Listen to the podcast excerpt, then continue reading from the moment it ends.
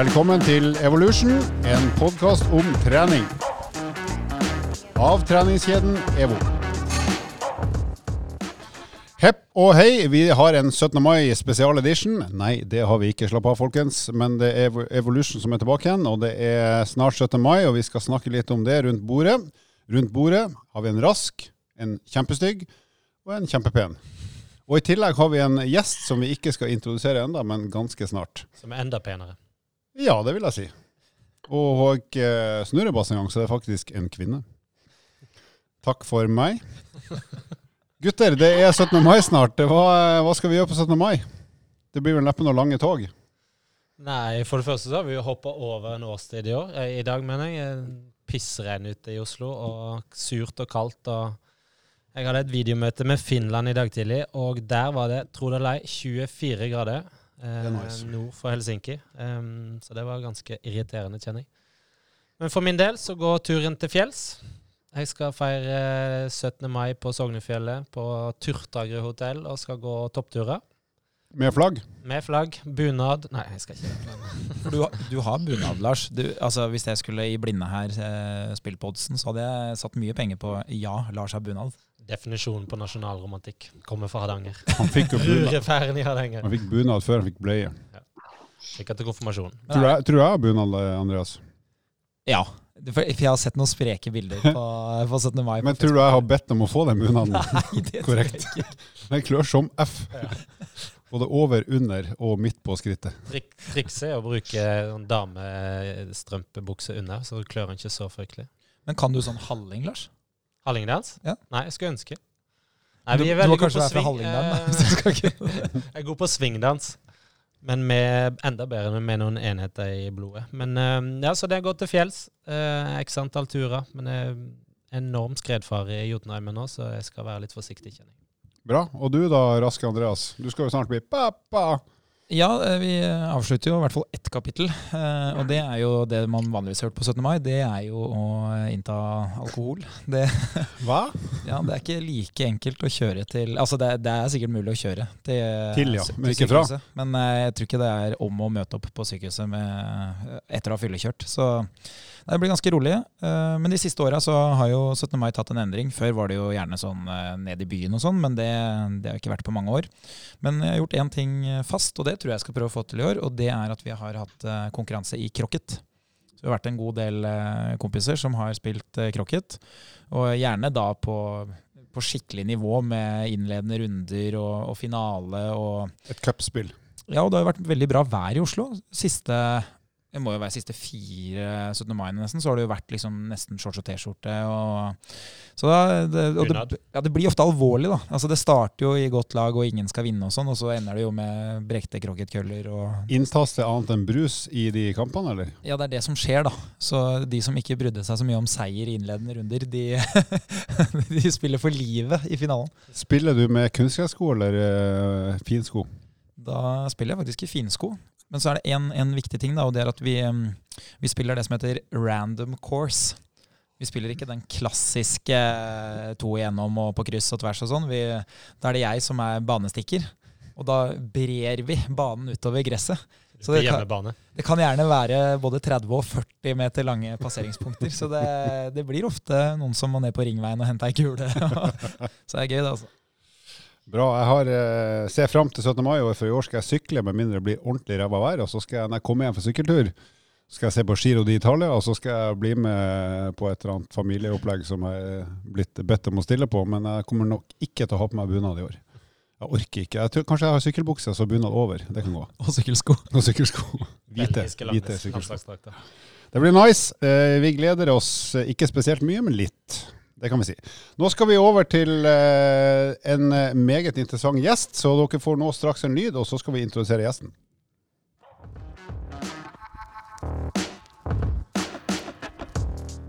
Ja, Vi er litt gira i dag, rett og slett. For vi, har jo, eh, vi har jo vært heldige å ha mange gode gjester. Og i dag uh, har vi virkelig uh, fått uh, henta en gjest fra ei veldig høy hylle. Pia Seberg, uh, som jeg tror de fleste som hører på oss, har både hørt og sett mange ganger. Litt om Pia. Nummer én, du bor jo i Drammen, og du skal slippe å kommentere det, men det var jo tidligere en diagnose. Ja, jeg lever godt med den diagnosen i så fall. Ja. ja, det har jo blitt en fin by etter hvert, men når jeg var langhåra, så var det ikke det kuleste stedet i verden. Men det er lenge siden. Nei, det å være drammenser det handler om å stå i det og liksom ha Drammen i hjertet fra begynnelsen av. Så jeg sto for Drammen før, og jeg står for Drammen nå. Spesielt i møte med sånne som deg, Halvor. Ja, bra. Det er bra. Det fortjener jeg. Kan du klassikeren, eh, Halvor? Kan du den klassiske Drammensvitsen? Uh, kanskje, men du kan gjerne ta den. Prøv da. Jeg kan den veldig godt. Jeg får høre. Det er bedre Det er, den der er bedre, men uh, Drammen Dram i Nei, hvordan er den igjen? Det er bedre med én dram i timen enn en time i Drammen. Ja. det, Det. Mm. det tror jeg er eh, 17. mai-regelen til Halvor. Det kan nok stemme. Men du er utdanna journalist, eh, du er skribent, eh, du er personlig trener, du er også mental trener. Du har skrevet bøker. Først blir 'Bli din egen PT', og nå er du aktuell med trening etter fødsel, som eh, faktisk anbefales. Nå har ikke jeg født sjøl, men jeg har tre barn. Så den er matnyttig for både mor og far, faktisk. For far bør skjønne sin plass i, i det store spillet. Det har jeg jo smertelig erfart etter hvert. Eh, og så er det blogger, så piaseberg.no. Det er vel den primære kilden for de som vil oppsøke deg, er det ikke det? Pluss YouTube-kanalen din. Ja, altså Ting har jo endra seg litt. så Der hvor man før på en måte var blogger, og ja, nettsiden var uh, der ting skjedde, så er det jo nå mer på Instagram og YouTube. Så bloggen eksisterer, men nå er det ja, Instagram og YouTube som er liksom hovedkanalene. da. Ja, og jeg så jo den eh, episoden der du testa ut den der Funky Gine sin eh, økt fra Norges tøffeste. Ja. Det er vel en av de siste som ligger ute der. Så den anbefales. Eh, bra stoff, bra trøkk og mye kul trening som er faktisk mulig å gjennomføre egentlig hvor som helst, stort sett. Åh, så hyggelig at du sier det. Det er litt på kornet. Jeg ønsker å liksom merge sammen dette her. altså de ikke... Men sånn som når man ser Jørgine in action, så tenker man jo sånn Oi, det der henger høyt, det får ikke jeg til. Jeg tenker i hvert fall det, selv om jeg driver med trening. Så da er det gøy å på en måte tørre å teste det litt ut og vise folk at vet du hva, dette her får vi til. Mottoet mitt er jo kan jeg, kan du. Og det er jo litt sånn, det høres jo litt cheesy ut, men det er jo så sant. For altså, jeg er ikke noe sånn idrettsbarn av uh, natur i det hele tatt. Så hvis jeg får til noe, så kan alle følgerne mine også få det til. Da. Det mener jeg virkelig. Men- uh, fra dypet av mitt hjerte. Ja, men du, hva, hva slags bakgrunn har du? Altså, Hva slags type trening har du gjort fra du var håper jeg, født til fram til nå? Nei, det er det som er, vet du. Jeg øh, liksom er jo en veldig sånn bedagelig kid, egentlig. Så fram til jeg var sånn ja, 11-12, så likte jeg meg godt på sofaen, tok det med ro, koste meg med litt ostepop, noen flasker med brus, og syntes det var så ålreit. Eh, men så hadde jeg jo en over gjennomsnittet sprek far som eh, spurte om jeg ville være med på joggetur både titt og ofte. Og av en eller annen merkelig grunn så sa jeg ja en dag. Eh, og jeg tror det var noe med det Det har man jo reflektert mye over. Hva var det som gjorde at man sa ja, og hva var det som gjorde at man fortsatte? Og det var vel det at eh, altså når man fikk løpe med faren sin, så følte man jo seg på en måte trygg. Det var trygge rammer. Og um, han klarte å gi meg en eller annen form for mestringsfølelse, da. Selv om jeg tror jo egentlig ikke at det, altså det, det er jo ikke Det var ikke fantastisk gøy. Nei, det er ikke det beste du gjør å dra ut på din første joggetur ever. Men uh, ja, det frista i hvert fall. Det ga mersmak. Og vips, så sitter man her og driver med trening på fulltid. Men du har jo drevet, trent mye crossfit òg, blant annet, etter hvert. Altså når du var ferdig med å dalte etter faren din på joggetur, så har du jo gjort ganske mye mer enn bare å jogge. Ja da, jeg har det. Altså, jeg jeg begynte med å jogge, og da fikk man jo virkelig blod på tann. Det ble den klassiske veien inn på treningssenteret. Var på spinning til jeg eh, besvimte omtrent flere ganger i uka. Gruppetimer var liksom det store. Så var det PT-utdanning hos AFPT. Da lærte man viktigheten av styrketrening. Gikk mer over i det. Så kom jo crossfit eh, til Norge. og... mm, ja, etter hvert som det ble stort i Oslo, det lå jo rett over gata for der jeg jobba som journalist, i ShapeUp i Nydalen. Så da meldte jeg meg inn der og var ganske sånn ihugga crossfitter eh, i noen år. Om jeg var sånn kjempeflink, det veit jeg ikke, men skal ikke stå på innsatsen. Eh, og nå er det vel en annen hybrid av alt det man har plukka med seg på veien, da. Eh, all den erfaringa gjør at man finner liksom sin vei når det kommer til, eh, når det kommer til trening og hva man, hva man liker. Men hva liker du best av nå? Du har jo prøvd eh, veldig mye forskjellig. Hva syns du er artigst eller best å trene, hvis du bare skal være egoistisk og trene det du vil, eller helst uh, gjøre, da? Ja, nei, Da er det jo en litt sånn klassisk crossfit-økt med litt sånn uh, høyreps, der du virkelig kjenner at det svir i muskulaturen, men også i pust. Så litt sånn lapskausøkt, egentlig. da. Jeg må jo si faktisk at den uh, Jørgine-økta som du refererte til, som ligger på YouTube-kanalen min, den likte jeg skikkelig godt. Jeg gjorde den sammen med to kompiser. Den ene er litt sprekere enn meg, så jeg kunne jage litt. Kjente liksom at uh, blodet spruta ut av øret, alt jeg på si. Da har jeg det på en eller annen merkelig måte ganske bra, i hvert fall etterpå. Mm.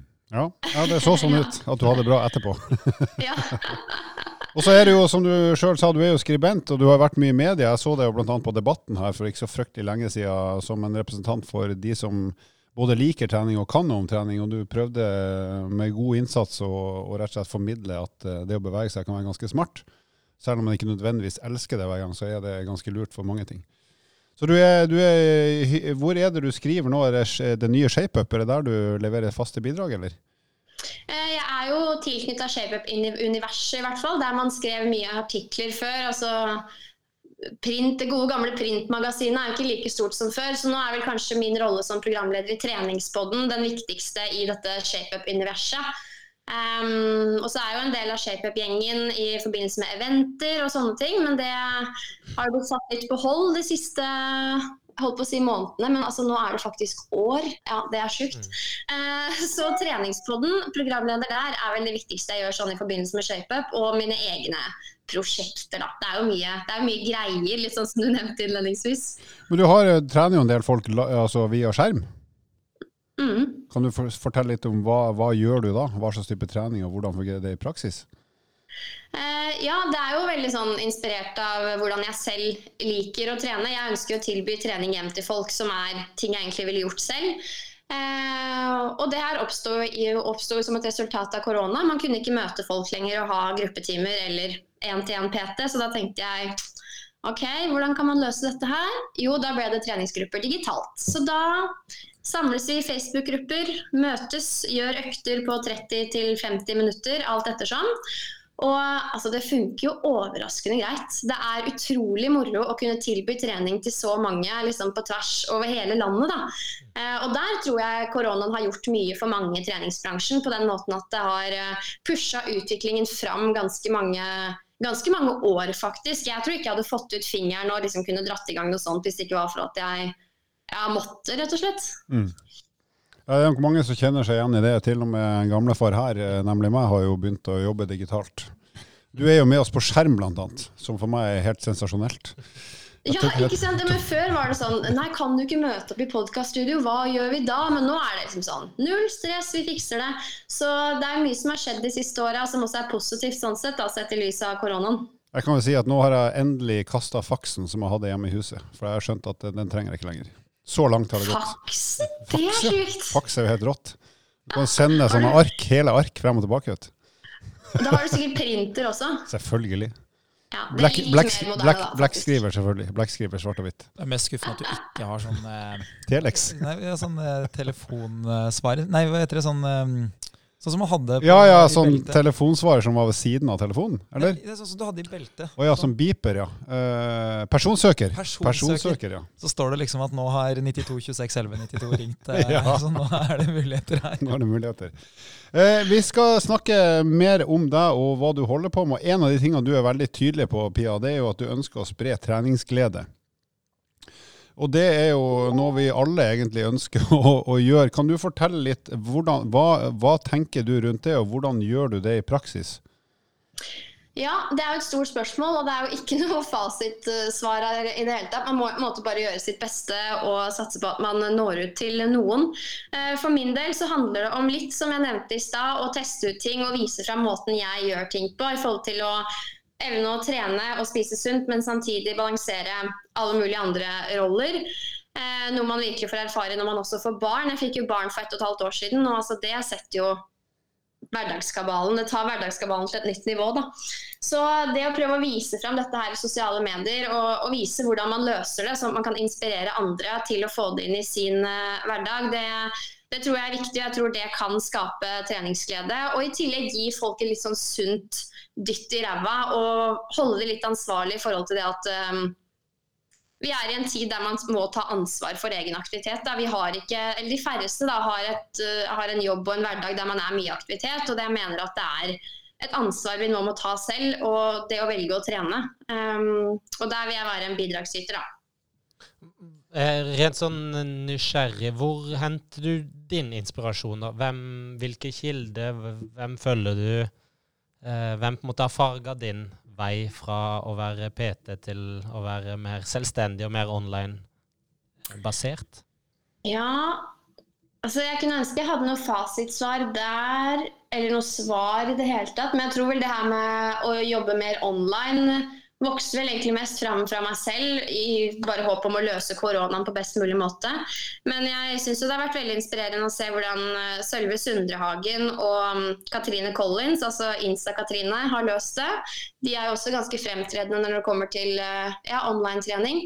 Og så syns jeg jo at Nordic er et utrolig spennende konsept. Da, hvordan de på en måte bare grep den anledningen og har levert noe som jeg syns virker som funker ekstremt bra. Um, og det er tydelig at Nå har jo folk et stort tilbud da, i forhold til online-trening, og det er kult å se. I påvente av at treningssentrene åpner. Et spørsmål til deg, da, for det er jo veldig mange, det her snakka vi om før vi gikk på lufta, men det er jo veldig mange som ikke syns trening er gøy, og som egentlig ikke verken har lyst eller kanskje ser behov for å trene i det hele tatt, rett og slett for at man er ja, uinteressert. Hva, hva, er dine beste måter å si, få folk i gang på, selv om de kanskje er totalt umotiverte eller ja, virkelig ikke har lyst. da. Kanskje de ser nytten av det, men de vil virkelig ikke de har virkelig ikke lyst til å gjøre det likevel. Har, ja. du, no, har du noen tips som, som, kan hjelpe oss andre? Altså, jeg tror vi alle vet at Hvis jeg hadde hatt svaret på det, så hadde jo, da hadde vi vært glad alle sammen. Det er jo veldig vanskelig å nå ut til de som innerst inne ikke vil. Og er det noe jeg har lært etter hvert som jeg har jobba med spesielt mentaltrening, men også fysisk trening og de to i kombinasjon, så er det jo at altså, hvis en person virkelig ikke har lyst og ikke kjenner på sine liksom, indre grunner til hvorfor de skal prioritere trening, så er det vanskelig å komme inn utenfra og på en måte plante et frø. da. Så um, min opplevelse er at folk må komme til et punkt, dessverre for noen, et ganske alvorlig punkt. Uh, for å skjønne at dette her er noe du må prioritere.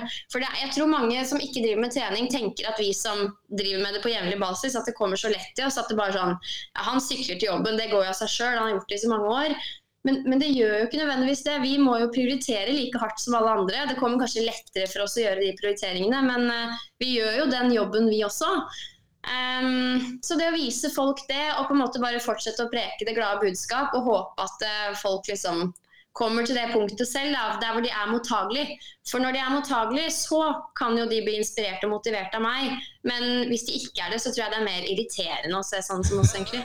Grusomt svar, men dere er vel litt enige? Ja, vi er, nok, eh, vi er vel for så vidt enige i det. Men da skal jeg følge opp med et annet spørsmål. Hvis du som venn eller samboer eller kollega sånt, har lyst og ser at en av de jeg kjenner godt, trenger å bevege seg, for nå går det virkelig dårlig med helsa til vedkommende, hvordan kan man da som venn, kollega, samboer, hva som helst, få en annen i gang som du har lyst å få i gang, rett og slett for at du bryr deg om folk, hvis du skjønner hva jeg mener? Altså Da snakker vi ikke direkte om deg som skal påvirke en som ikke vil, men en som bryr seg om et annet menneske, som skjønner at du må faktisk begynne å trene, akkurat sånn som samboeren til han eh, Ronny i Et fett liv. ikke sant? Hun, hun vil jo at han skal komme i bedre form, så han kan være sammen med henne i mange år og ikke bare dø tidlig. Har du, noen, har du noen tips der? Du har jobba mye med hodet til folk òg. Er det noen ting man kan gjøre for å være en god venn og, og hjelpe til så det skjer noe? Ja, jeg tenker i hvert fall at Det er viktig å på en måte ikke starte kall det prosessen med å gi noen en dårlig følelse. Så jeg tror Det er en dårlig start for å på en måte gjøre en eventuell endring. Da. Så det å invitere noen med på deres premisser og kanskje prøve å tenke gjennom aktiviteten man skal gjøre, sånn at man legger til rette for at det er noe form for mestring der. Da. Jeg tror jo veldig på mestringsfølelse. Vi vet jo at det er en god kilde til selvtillit og ikke minst motivasjon og lyst til å gjøre det på nytt.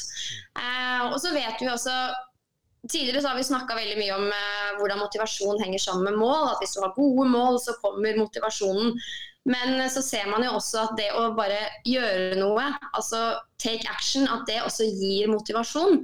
Så hvis du er den som måte, kan få med denne personen på den lille gåturen, kanskje plante inn noen grunner til hvorfor dette her er viktig, hvorfor du velger å gjøre det på jevnlig basis, at det kan være med å skape det lille motivasjonsfrøet eh, som skal til. Da.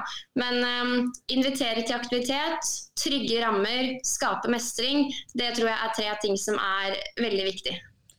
Du, du, er jo inne på noe som hvert fall matcher veldig godt med, med mine erfaringer som, eh, som, personlig trener selv. Og det er jo at eh, på forhånd så virker det som at de som kanskje ikke er så fysisk aktive, de, de har veldig eh, store tanker om hvor mye innsats som må til for at det skal gi god mestring. Mens erfaringa mi er at det skal veldig lite til for at de føler mestring. Men ofte så er jo det utfordringa. At når du har store tanker om hva du må gjøre for at det skal bli bra, så gjennomfører du ikke. Altså det, det, må helst være en, en, ordentlig joggetur, eller jeg må på treningssenteret for å trene styrke. Eller hvis ikke jeg gjør det på den måten, så, så er det helt bortkasta. Så veldig ofte jeg får sånne tilbakemeldinger som at ja, men det er vel bortkasta å bare gjøre det. Men sannheten er jo at mestringsfølelsen den er jo ikke knytta til liksom, planlegginga og gjennomføringa av de store tingene. Det, det, trenger jo ikke å være det. det. Hvis du jogger i 15 minutter, så vil de fleste få ganske god mestringsfølelse etterpå. Hvis de ikke har vært aktive.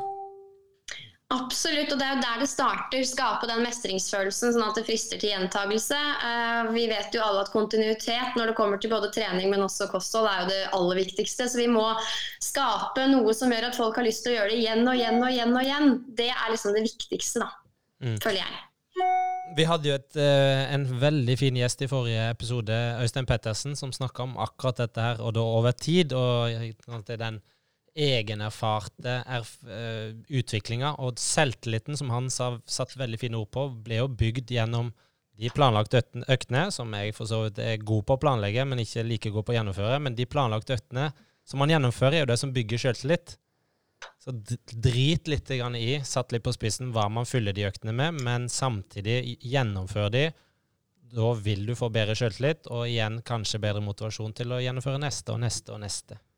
Absolutt. og det er jo, altså Vi kan jo snakke om uh, disse mentale musklene som uh, f.eks. selvtillit og motivasjon som ja, nettopp muskler. da, og Mange tror at nei, jeg har, jeg har, dårlig motivasjon eller jeg har lite selvtillit. og Det man ikke er klar over da, er at disse egenskapene kan jo trenes. og Det du beskriver der, eller som Øystein beskrev, da, er jo en fantastisk måte å nettopp trene opp selvtilliten på. og Det kan jo sikkert vi kjenne oss igjen i òg, når vi klarer å ta den der økta klokka sju på ettermiddagen, kidsa har lagt seg, du er dritsliten etter jobb. Når du da klarer å dra ut og gjøre jobben, eh, da får du jo virkelig påfyll. Du får trua, du drar hjem og er sånn Fy søren, ass, jeg er helt rå.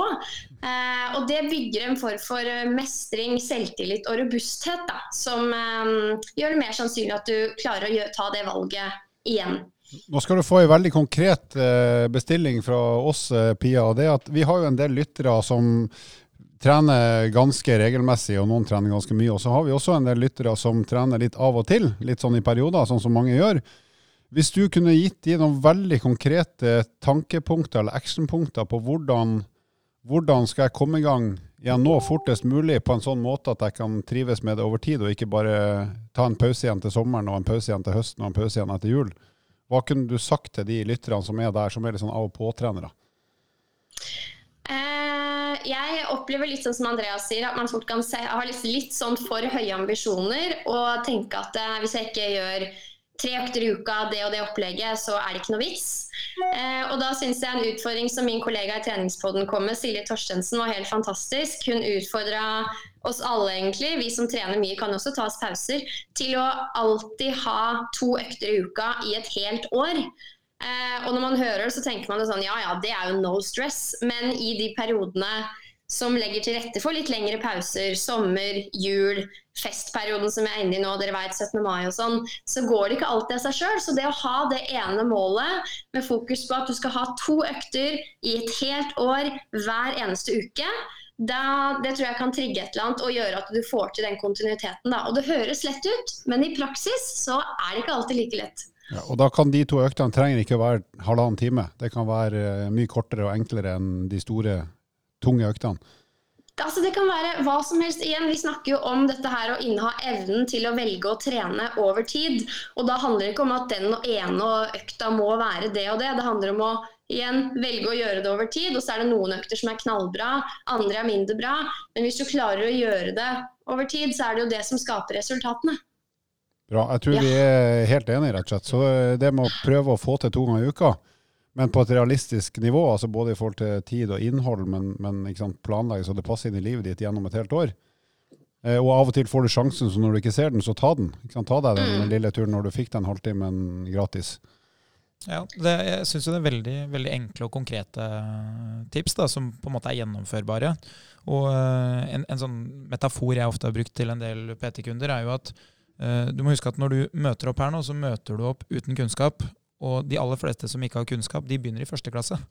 Så selv om du har en ambisjon om å kanskje her gjøre noe helt annet, eller du har veldig lyst til det, så, så kan vi på en måte ikke, vi kan ikke rushe fram til der vi skal være, og det er det stedet hvor det kreves ganske mye kunnskap. da.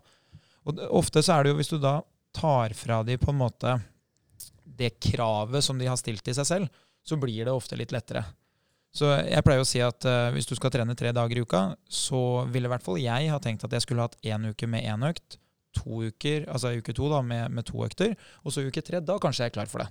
For, for da har du vist deg selv at eh, det, det får du til. Men de aller fleste har jo så store forventninger til seg sjøl, så de bare rusher av gårde til noe som krever veldig mye. da. Ja, og det er jo der det er så fint å ha en sparringspartner som kan være en venn eller kollega eller lignende, men f.eks. også en PT. da. Og det er jo klart at uh, mange trenger den støtten idet man skal begynne på en form for treningsreise. og jeg tror vi er så vant til å høre at uh, ja, det er jo bare å gå ut og trene. Vi er veldig flinke til å bruke det ordet 'bare'. Og for all del, det er jo ikke brain science å bevege kroppen, men samtidig så er det jo en del utfordrende prosesser som man skal gjennom, spesielt hvis man skal gå fra null til 100, holdt jeg på å si. Det er det man ikke skal gjøre, da, men dere skjønner. Så um, man skal ikke kimse av det å komme i gang med trening, ei heller å holde på med det over tid, for det er, um, det er, jo, det er jo en utfordring. Du, Nå skal jeg ta tak i noe helt annet som nesten kan bli oppfatta som usaklig. Men i innledninga så nevnte du at du spiste ostepop når du var barn. og så er det snart 17. mai, så da kobla jeg OK. 17. mai og ostepop, det gleder jeg meg til personlig. Men eh, vi snakka jo om hva skal vi gjøre på 17. mai, men hva skal du gjøre på 17. mai?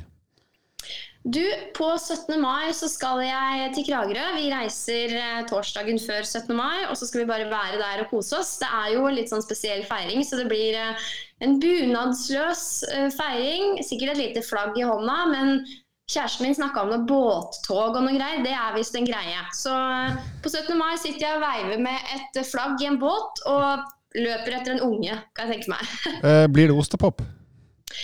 Det er jo et uh, spennende spørsmål. Jeg håper jo det. Uh, men jeg står overfor et valg, for jeg var i butikken i dag, og da så jeg at det har kommet en nyhet. Ostepop med sjokolade rundt. Ja, Den må du ikke prøve engang. Det smakte drit. I hvert fall eh. Hvis du er normalt menneske, så må du ikke finne på å smake. Du kommer til å bli så lei deg. Oi, Hvis du vet noe hvis du... Smash-konseptet er jo veldig bra, men så det funker ikke på ostepopen, altså. Nei, Nå er jo jeg selvfølgelig forutinntatt og jeg er gammel og sur og tverr, og sånn, men jeg er jo veldig glad i ostepop. Og til og med sånn paprikaostepop kan jeg godta. Men uh, når jeg fikk den her sjokoladen rundt, så ble det bare kvalmt, syns jeg. altså. Det er ikke søtt og salt. Nei, det er søtt og kvalmt, Okay. syns jeg, da. Andreas, du har en sterk mening her, ser Ja, fordi eh, jeg, jeg er helt enig, da. Jeg har også prøvd det. Jeg er jo ekstremt eh, glad i eh, det, alt det som er i de reolene som vi prøver å flytte bort fra kassa. Sigaretter? Ja. Men ja, ikke sant? Nei, det er jeg ikke veldig glad i, faktisk, men det burde kanskje vært det. Nei, men den ostepopen syns jeg Det er jo fordi man mest sannsynlig har veldig gode preferanser til ostepop. da, altså Når du begynner å kødde med det, så blir det ikke samme. Men på Rema 1000 så har du jo eh, sånne skruer med sjokolade, eller sånn type ostepop med Det, det heter vel sprø og et eller annet. Mm. De, der har de putta på nok salt. Så det er en anbefaling. Pia, du har også en sterk mening her. Kom igjen. Ja, altså nå, nå, er, nå, nå har dere putta Ja, på ja. en krone, altså. For jeg lurer da også på oppfølger. Spiser dere ostepopen med gaffel eller eh, ei? Eh, nå skal jeg, nå, jeg, kan, jo- jeg tror jeg har spist mest ostepop av oss tre rundt bordet, i hvert fall. Det kan jeg si når jeg er eldst. Og jeg har alltid tenkt at ostepop bør spises med fingrene, for at det er så digg å slikke av fingrene, men det er jo utrolig uappetittlig for alle andre enn meg sjøl. Så jeg har jo nå blitt tvunget av hun mellomste dattera mi, som heter Marie, at eh, i hvert fall når jeg spiser i nærheten av henne, så må jeg bruke gaffel. Mm. Så jeg syns det er totalt sett bedre for verden rundt, men eh, individuelt så hadde jeg nok helst sittet i underbuksa og spist med fingrene og sett på TV, men da helt alene. Hvor tørker du Nei, jeg skal ikke spørre. Du, eh, da vil jeg legge til en til. Da tømmer jeg uten å bruke noen finger. Du tømmer bare kjeften. Ja, den er fin. Den er Han fin. Lars har skjegg, vet du, så det sitter jo ostepop rundt hele fjeset hans. Så du Men, har litt eh, sånn lagra da du var utover kvelden? Ja, det er litt som, som når jeg kom hjem etter x antall år med alpinlandslaget, så så det ut som jeg gikk konstant og lagra mat i Kina. som et uh, lite ekorn. Det, det vil ikke være mulig å spise med gaffel, fordi én håndfull, det er det du spiser om gangen. Og en gaffel den klarer ikke å ta en håndfull. Så gaffelen vil jo bli noe helt annet. For å dra det litt inn igjen. Um, vi nærmer oss jo sommeren, uh, Pia. Og uh, for å komme med noen konkrete tips der og til både lytterne våre og følgerne dine og i dine kanaler, hvordan ville du satt opp noen eksempel, Hvis du skulle hatt to økter, da, som du tipsa om, eh, i uka fremover mot sommeren, med litt sånn For du brenner jo for egen kroppsvektstrening eh, i forhold til bøkene dine og hva du har på kanalene dine. Eh, hvis du skulle gitt to konkrete tips eller økter, hva ville du gjort da nå fremover mot sommeren, i den tida vi går frem i? Litt sånn type ferietrening. Nå håper vi jo at treningssenteret snart åpner, i hvert fall i den østlige delen av landet. Ja, det er et godt spørsmål. Altså, jeg brenner jo for egenveksttrening, men jeg brenner jo altså, det riktige for meg blir egentlig å si at jeg brenner for den treninga som er tilgjengelig for deg. Om det er med strikker, om det er hjemme på stuegulvet, om det er å dra på EVO, om det er å løpe. Eh, så det må en avgjøre litt selv. Hva er liksom enklest for meg å få til? Og så henger det selvfølgelig også sammen med målet. Da. Hva ønsker man å oppnå med treninga? Men eh, sånn i bunn og grunn så vil jeg jo si at eh, det er smart å legge en plan. Altså hva konkret skal du gjøre for noe? Uh, og igjen, det som er mest tilgjengelig, det som er enklest for deg å få til, gjør det. Uh, vi er veldig flinke til å skrive om bl.a. i media at du må trene på den og den måten for å oppnå det og det. Og for all del til en viss grad så er jo det sant, men for folk flest så handler det bare om å evne å gjøre noe igjen over tid, da, føler jeg gjentar meg selv her. Så um, det å sette seg ned litt med seg selv, finne ut ok, hvorfor er dette her viktig for meg, hvorfor ønsker jeg å ha eh, en god kontinuitet nå fram til sommeren f.eks. Og husk å aldri da sette eh, mål uten å på en måte ha en plan. Sett den planen. Hva skal du gjøre når? Få det inn i timeplanen, og så utfør. Nå holdt jeg på å si så er det bare å utføre. Det er ikke bare. Men uh, du, du, har kommet veldig langt hvis du måte, i hvert fall har en plan å gå ut ifra. da. Og uh, Hvis man skal tørre å konkretisere det enda mer, liksom, hva skal man gjøre, så er jo jeg veldig fan av ja, styrketrening, enten det er inne på senter med litt tyngre vekter eller med egenvekt. Er det noe korona har lært oss, så er det at vi får gjort sinnssykt mye hjemme med ja, egen kropp og enkelt utstyr. Så jeg er jo fan av at man får inn styrketrening eh, hver uke, jeg, da. Da må jeg følge opp. Hva liker du best, markløft eller knebøy? Kan jeg få svare? Nei, Pia, Det er jo Pia som er i sentrum her. Må du må velge én. Hvis du måtte velge én resten av livet, enten markløft eller knebøy, hva hadde du tatt da? Ja, um, det er jo et grusomt har... dilemma selvfølgelig for hele verdens befolkning, men du blir stilt overfor det, du òg. ja, helt forferdelig. Nei, jeg hadde valgt uh, markløft. Enig. Enig. Du, du, hadde jo Altså, alle hadde jo valgt sumo markløft. Så, som er en hybrid mellom knebøy og markløft. Hvorfor svarer ikke folk det? Hvorfor skal du alltid drive og sette folk i bås? Ja, men Det er viktig å finne frem en bås av og til syns jeg. Du eh, Pia, du har skrevet boka 'Trening etter fødsel', og du har jo eh, barn sjøl. Eh, hva er dine beste praktiske tips både til den som har født, og den som bor sammen eller har medansvaret for barn, i forhold til å komme i gang med trening etter fødsel? Når skal man generelt gjøre det? Hva er lurt å begynne med? Og hvordan kan man backe hverandre i et parforhold der den ene har levert barna, og den andre har bare deltatt i forspillet? Nå skal jeg holde tunga rett i munnen, for det var mange spørsmål på en gang. ja, sorry. Men det første jeg vil si til deg som har blitt uh, mamma Ironisk nok, jeg har skrevet en treningsbok om, uh, til deg etter fødsel, men det viktigste du kan gjøre for deg selv og kroppen din, og ikke minst barnet, det er jo å gi deg selv tid. Vi er veldig flinke til å snakke om uh, hvilke øvelser du må gjøre for å styrke deg opp, men kroppen er jo skapt for dette her, så det er det viktigste. å bare Gi deg selv tid og rom, hvile, og la kroppen lege seg selv, for det gjør den jo i stor grad. Samtidig så er jeg fan av at vi bruker eh, smarte øvelser, spesielt for kjerne- og bekkenbunn, for å styrke oss opp. Eh, vi treningsfolk eller treningsjenter setter jo kanskje litt større krav til kroppen vår enn de som ikke trener jevnlig gjør. da. Eh, og da handler det jo om å begynne litt sånn hjemme på stuegulvet, baby ligger ved siden av. Eh, kjenne litt på magemuskulaturen. Prøve å liksom få tilbake den uh, funksjonen som den egentlig har. Vi vet jo at magemuskulaturen deler seg eller går til siden for å gi plass til barnet. Kjenne litt på magemuskulaturen og samtidig også jobbe med knipeøvelser. Det er noe av det viktigste man gjør. Begynne der. Uh, og så sakte, men sikkert jobbe videre med uh, øvelser med egen kroppsvekt, egentlig. Det kommer du veldig, veldig langt med. Eh, men bare ikke rushe det, og ikke tenke at liksom, idet ungen er ute, så skal du få tilbake kroppen din i gåseøynene. Men uh, ta deg god tid og la kroppen gjøre mye av jobben selv først. Fordi det gjør den jo.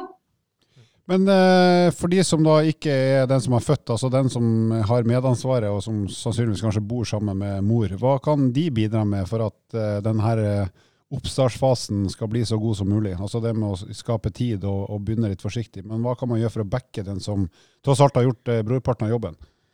Ja, min opplevelse var i hvert fall at um, Jeg skal ikke si at tida etter fødsel når man har fått barn er preget av mye dårlig samvittighet, men det er klart man kjenner jo litt på det at ok, nå velger jeg bort barnet mitt for å gå ned i kjellerne, gå et annet sted og trene, altså gjøre noe for bare meg. Det er litt sånn, Man føler man bør være med barnet hele tiden, spesielt som førstegangsmor, tror jeg. da. Så det å være en partner som virkelig backer og sier sånn Nå går du og trener, dette fortjener du. Ungen har ikke vondt av å være uten eh, deg. Jeg tåler det hvis han skriker. Liksom Være en stødig person i det at uh, du takler det stresset som kanskje kommer når mor er borte. Da.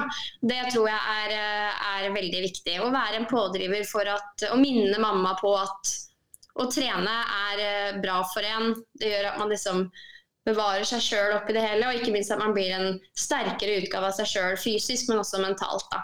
Så det, mm, det er hjemmeleksa di, Andreas. Du ser ikke ansiktet hans, han sitter bare og ler. Men han har, han har, fått masse gode tips gjennom eh, mange episoder med ulike tiltak i forhold til det med fødsel. Du, nå, skal jeg, nå skal jeg gjøre noe så sjelden som at jeg skal gi bort litt eh, skryt. Ikke fra meg, for det skjer jo, men uh, i timeplanen min så står det jo hva jeg skal. Og det fins en annen som har tilgang til timeplanen min, sånn at jeg slipper å drive og informere hele tida om uh, om det livet som jeg har, da, som endrer seg fra dag til dag. Og da hadde hun fått med seg at jeg eh, skulle faktisk spille inn podkast med deg. Og eh, da skulle jeg skryte litt av deg, fordi eh, for et par uker siden så kjøpte jeg den boka til hun hjemme. Oi, oi, oi. Og eh, det, det, kan jo, De fleste tenker jo at uh, siden hun er samboer med meg, så elsker hun trening sjøl. Men uh, hun er sykepleier og har ikke noe med treningsbransjen å gjøre, heldigvis, for uh, hennes del. Hun liker jo ikke deg heller. Nei, det Ikke nå lenger. Det kan hende at jeg bare oppfyller kriterier på papiret. vet du, Det veit man aldri. Men det, jeg lever godt med det. God nok i mange år er kriteriet. Nei, så må jeg passe meg litt, da, fordi vanligvis så hører jeg ikke på de episodene her. Men den her kommer jeg til å høre på, så her kan jeg ikke si så mye dumt. Men Nei, jeg skal i hvert fall skryte av deg uh, og si at uh, en av de tingene som hun liker Og det er ikke sånn at hun følger veldig mange som driver med, med trening på, på, nett, men hun syns jo at det som er veldig bra, er at uh, det du gjør, er veldig ekte. og at det er veldig overførbart til den målgruppa som du faktisk prøver å nå. Oh, det er jo veldig hyggelig å høre. Ref det jeg nevnte tidligere om at ja, det er det jeg vil. Da vise folk at det jeg gjør, kan andre gjøre også. Og så når du sier det, så blir jeg litt så myk i hjertet. Det er veldig veldig hyggelig å høre. Det, jeg pleier å si at Hvis du får, hvis du får skryt fra det holdet, da, da, er det ekte. For hun, uh, hun, skryter ikke bare for å gjøre det. Når jeg gjør det, så mener hun det. Og uh, Min erfaring da, med, med, treningsbransjen og, og, veldig mye av det digitale innholdet vi serverer, er jo at mange har gode intensjoner, men det er ikke alltid man lander der man egentlig ønsker å lande. Men det, det gjør du jo i det tilfellet her. Så det blir jo spennende å se da, hvilke påvirkninger på mitt liv denne boka kommer til å få. Men eh, jeg vil jo anta at jeg eh, helt sikkert kommer til å bli involvert på et eller annet punkt. Ja, du, Det blir spennende. Den boka inneholder jo mye om trening, ref navnet trening etter fødsel, men også en del om mentaltrening og kosthold. Da. Men eh, når det kommer til den mentale biten, så skriver jeg jo litt om på en måte forventningsavklaring med partner og hvordan man kan få ting til å funke best mulig. Min opplevelse var jo at man går fra å være bare kjærester, men så over i en sånn slags sånn bedrift der man hele tiden skal samarbeide og man forhandler om tid. Og det er jo et uh, spennende kapittel i parforholdet. Så um, jeg tror det er mange gode tips der for dere begge, Andreas. Og da er mitt viktigste tips sørg for at dere forblir en bedrift og ikke et enkeltpersonsforetak, for da blir det slitsomt. Nå er du god. Takk for meg. Og så vokser det et AS etter hvert. Ja, ikke sant. du... Jeg så jo du hadde en episode ett år etter fødsel med, med Inger, som òg skal være gjest hos oss innen rimelig tid. Um, og der beskriver dere eller snakker dere om hva dere ville gjort annerledes. Så for å ta det et litt steg videre ut fra det, treningen etter fødsel, for et år etterpå så er man jo forhåpentligvis ganske godt i gang, og så er man kanskje nærmer seg et nytt barn. Eh, Hva kan du si litt eh, for å dra ut noe av den episoden? Hva dere ville gjort annerledes, og hva ville dere kanskje gjort igjen? Eh, hvilke erfaringer har dere gjort òg, eller du og henne, for så vidt òg? Men de erfaringene dere Mm. prater om? Eh, ja, altså Der snakka vi om eh, så mangt, holdt jeg på å si. Jeg vet at for Ingers del, nå skal ikke jeg legge ord i eh, munnen på henne, men jeg tror vel at eh, det her med å gå ut litt for hardt etter første barn altså man, man er veldig spent på å se hva kan kroppen få til. Så noe av det første jeg tror Inger gjorde etter det første barnet, var vel å teste ut pullups. Ok, hvor mange får jeg til? Hvor fort kan jeg komme meg tilbake til eh, der jeg var før fødsel? Altså Man er veldig gira på å kjenne hva kroppen tåler. Eh, og det er vel egentlig litt representativt for min del òg. Jeg liker ikke å innrømme det, men jeg var nok ganske ivrig etter å liksom komme tilbake. Ikke der jeg var, men begynne å kjenne litt på tunge vekter igjen og bevege meg mer. og eh, Hvis jeg skulle gjort det igjen, så hadde jeg kanskje hatt litt bedre tid, da. Men samtidig, jeg skrev jo denne boka og følte et veldig sånn ansvar i forhold til det å gjøre ting riktig og ja, etter boka. Så jeg må jo også innrømme at jeg syns jeg gjorde veldig mye riktig og bra, da, og det føler jeg at jeg får igjen for nå også. Jeg kan på en måte løpe uten bekkenplager, jeg kan gjøre double unders uten å tisse på meg. Det er også en stor seier etter fødsel, dere. Ehm, så det er litt kleint, da, men jeg føler ikke at jeg ville gjort så mye annerledes, egentlig. Apropos inkontinens. Det er, Samboeren min skriver eh, oppgaver på fysioterapistudiet på inkontinens hos crossfit-utøvere. Og er, jeg ble overraska hvor høy forekomst det var, faktisk. Apropos double som er en hoppetauøvelse. Ikke Og det- sant? Og det er jo det er ikke bare etter fødsel, det gjelder jo idrettsutøvere uavhengig, fordi idretten setter jo større krav til bekkenbunnen, og det her er noe vi snakker ekstremt lite om. Jeg visste heller ikke så veldig mye om det, så nei, det er ganske fascinerende. Så gjør knipeøvelsene. Det er kanskje mitt beste tips etter å ha lest eh, en del av den oppgaven. For det var flere av de studiene som var der, som var nesten 90 og det er ganske høy eh, andel mennesker som var med i disse studiene. Ikke sant, men, eh, men Lars, bare la meg spørre deg kjapt. Mm. Jeg har jo skrevet da mest om jenter. Gjaldt det gutter òg? Altså Er dette kun kvinnelig? kun kvinner, ja. Ja. Fordi jeg tror det til en viss grad gjelder for gutta også. Altså, gutta har også godt av å gjøre knipetrening. Gjør, gjør samboeren din det? Nei, på ingen måte. Jeg gjør det. Jeg gjorde det mye på 90-tallet, for da gikk jeg på idrettshøyskolen, og da hadde vi en professor som heter Kari Bø, som vel har Ja. gjort mest forskning i verden på akkurat det. Så jeg har knepet og knepet så mye på 90-tallet at jeg tror jeg, om det ikke holder enda, så vet jeg hva jeg skal gjøre når det begynner å røyne på. Det var jo det vi prata om når vi eh, var hos Melina. Da fortalte jeg jo at eh, jeg har jo hatt samme eh, lærer som Halvor, da, doktorgrad i, i bekkenbunnsmuskulatur og trening. Og eh, da var det mye knipetrening. Men, Hun, eh, hun er veileder på den oppgaven, skjønner du. aha. Mm. Men apropos double unders, Lars. Mm. Fordi eh, vi spilte jo inn en video hvor du hoppa med hoppetau. Mm. Du klarer ikke det om du tisser på deg heller? Eller har du lært deg det Eh, nå? Nei, jeg, kan det egentlig. Det, den videoen fremkom Nei, jeg, kan det. Men, kan det. Jeg bare men det, ja, jeg ble sjukt imponert over en annen. Det, nå sporer vi bitte litt av, men eh, en annen crossfit-utøver som prøvde på triple og fire ganger, og han klarer det. En, en, og en eh, turner. Helt sinnssyk. Alex Smith. Alec Smith, eh, en av verdens beste crossfit-utøvere. Men eh, ja. Personlig vil jeg anbefale å hoppe paradis. Det er mye enklere. Ja, det er mye enklere. mye morsommere. Double unders og de skillsa der, altså, når boksene, boksene åpner igjen, da er det en del eh, ferdigheter som man må børste støv av, kjenner jeg. Du, eh, Pia, du skriver mye, du eh, holder foredrag, eh, du legger ut mye videoer. Du har rett og slett presentert veldig mange ulike kategorier og tema innenfor trening og helse. Hva er det som folk flest eh, er opptatt av eller interessert i, eh, på godt og vondt? Hva er det du får mest, altså mest respons på? Ikke nødvendigvis best, men hva, hvilke tema er det du, når du er avsender, som du på en måte får flest reaksjoner på? Pluss, pluss eller minus? Um, altså På generell basis så er det jo det personlige, nære og litt sånn upolerte. Når man får et innsikt i på en måte hverdagen. Folk liker å se folk. Uh, hvis vi skal snakke om det treningsfaglige, så vet jeg at folk liker økter som på en måte ser veldig enkle og gjennomførbare ut. Det skaper mye engasjement, og jeg tror det trigger et eller annet i folk. Det gir dem en følelse av at åh, dette her kan jeg få til. Men um, blant mine følgere, da, som jeg tror de fleste som følger meg, er nok litt sånn litt ekstra interessert i trening og er litt godt i gang. Og da ser jeg at uh, treningsfaglig innhold der man tar det et hakk videre. Jeg hadde f.eks. en Instagram TV her om dagen om um, tempo ved styrketrening. Eh, hvordan man på en måte kan jobbe med tempo for å utfordre seg selv på en litt annen måte. Og da tenkte jeg sånn ok, det her er litt sånn nisjete, men jeg vil ha den liggende der, fordi da kan jeg sende den når noen spør om tempo. Men ganske overraskende så var det mange som liksom syntes det var forfriskende og spennende å høre om, og skulle anvende det i sin egen trening. Da. Så jeg sier ikke at jeg undervurderer mine følgere, men jeg ble i hvert fall positivt overraska over at eh, folk var mottagelige for sånt. Så ja. Det, det er liksom en god, en god kombo.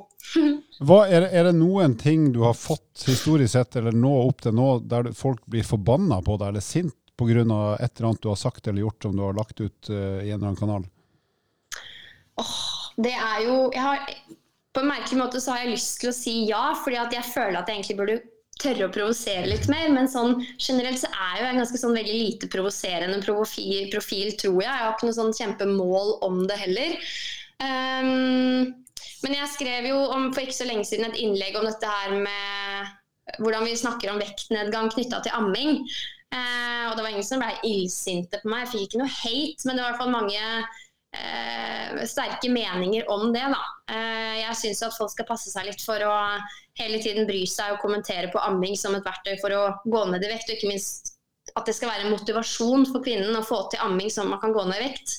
Um, hvor jeg da bl.a. sa at uh, kjære svigermor, slutt å si at jeg bør amme for å, for å gå ned i vekt, liksom. Satte det på spissen. Og det er nok mange som følte seg berørt av det fordi man har vært den personen som har sagt noe sånt, i beste mening. Men jeg tror ikke man er helt bevisst på hvordan det påvirker mottakeren, da, altså den som faktisk ammer. Så, ja. Er det noen som blir provosert av at du som er i, åpenbart er i god form, også gir andre råd og hjelp til hvordan de kan komme i bedre form sjøl? Altså, er det noen som blir litt sint på deg for at du er i god form, og, og liksom skal være en sånn profet, selv om du ikke er det, men altså som liksom blir litt provosert av det?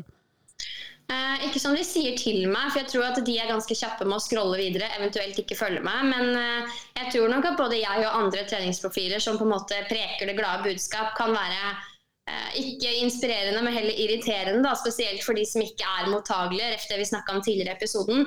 Det tror jeg. Og det er noe man ønsker å jobbe seg utenom. Det gjelder for hele treningsbransjen, tror jeg. Vi ønsker å nå inn til de som egentlig syns vi er litt irriterende. Men det er jo den nøtta som vi ikke helt har klart å knekke ennå. Altså, hvordan når vi inn til um, ja, Sånn som Ronny fra Et fett liv. Da, hvordan liksom kommer vi inn i hjertet hans og får han til å forstå at dette her med kos altså For oss er det kos å løpe intervaller på mølla og spise en digg salat, liksom. Eh, der hvor han ser på det som et stort offer, så um, er det jo ikke det for oss. Tvert imot. Eh, så det er den evige utfordringen som man, man jobber litt med, da. Mm. Bra. Vi har fått inn eh, et godt lytterspørsmål som eh, vi skal stille til deg, Pia. Så kommer vi til å supplere, men vi må ha en aldri så liten lyd først, og den kommer nå.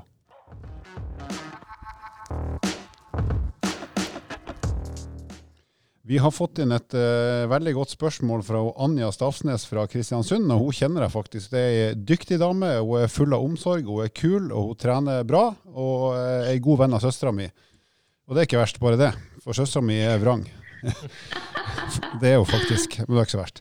Eh, hun, uansett, hun har hørt på den episoden der vi snakker om et fett liv, og hun har selvfølgelig sett serien også. Så i forlengelsen av det så har hun et godt spørsmål. Så nå tenker jeg at vi starter med at du skal få prøve å svare på det, Pia. Og det er, hun skriver det er mange årsaker til at mennesker trener eller ønsker å starte med trening. Kan man tenke på motivasjon som i hermetegn usunn og i hermetegn sunn motivasjon? Og hva er i tilfelle deres definisjon av us usunn motivasjon? Og er det en forskjell i hvordan dere velger å ja, håndtere møtet med disse menneskene? Så hun tenker liksom f.eks.: Jeg vil se bra ut-motivasjon kontra jeg vil ha god helse-motivasjon, hvis vi kan si det litt sånn oppsummert.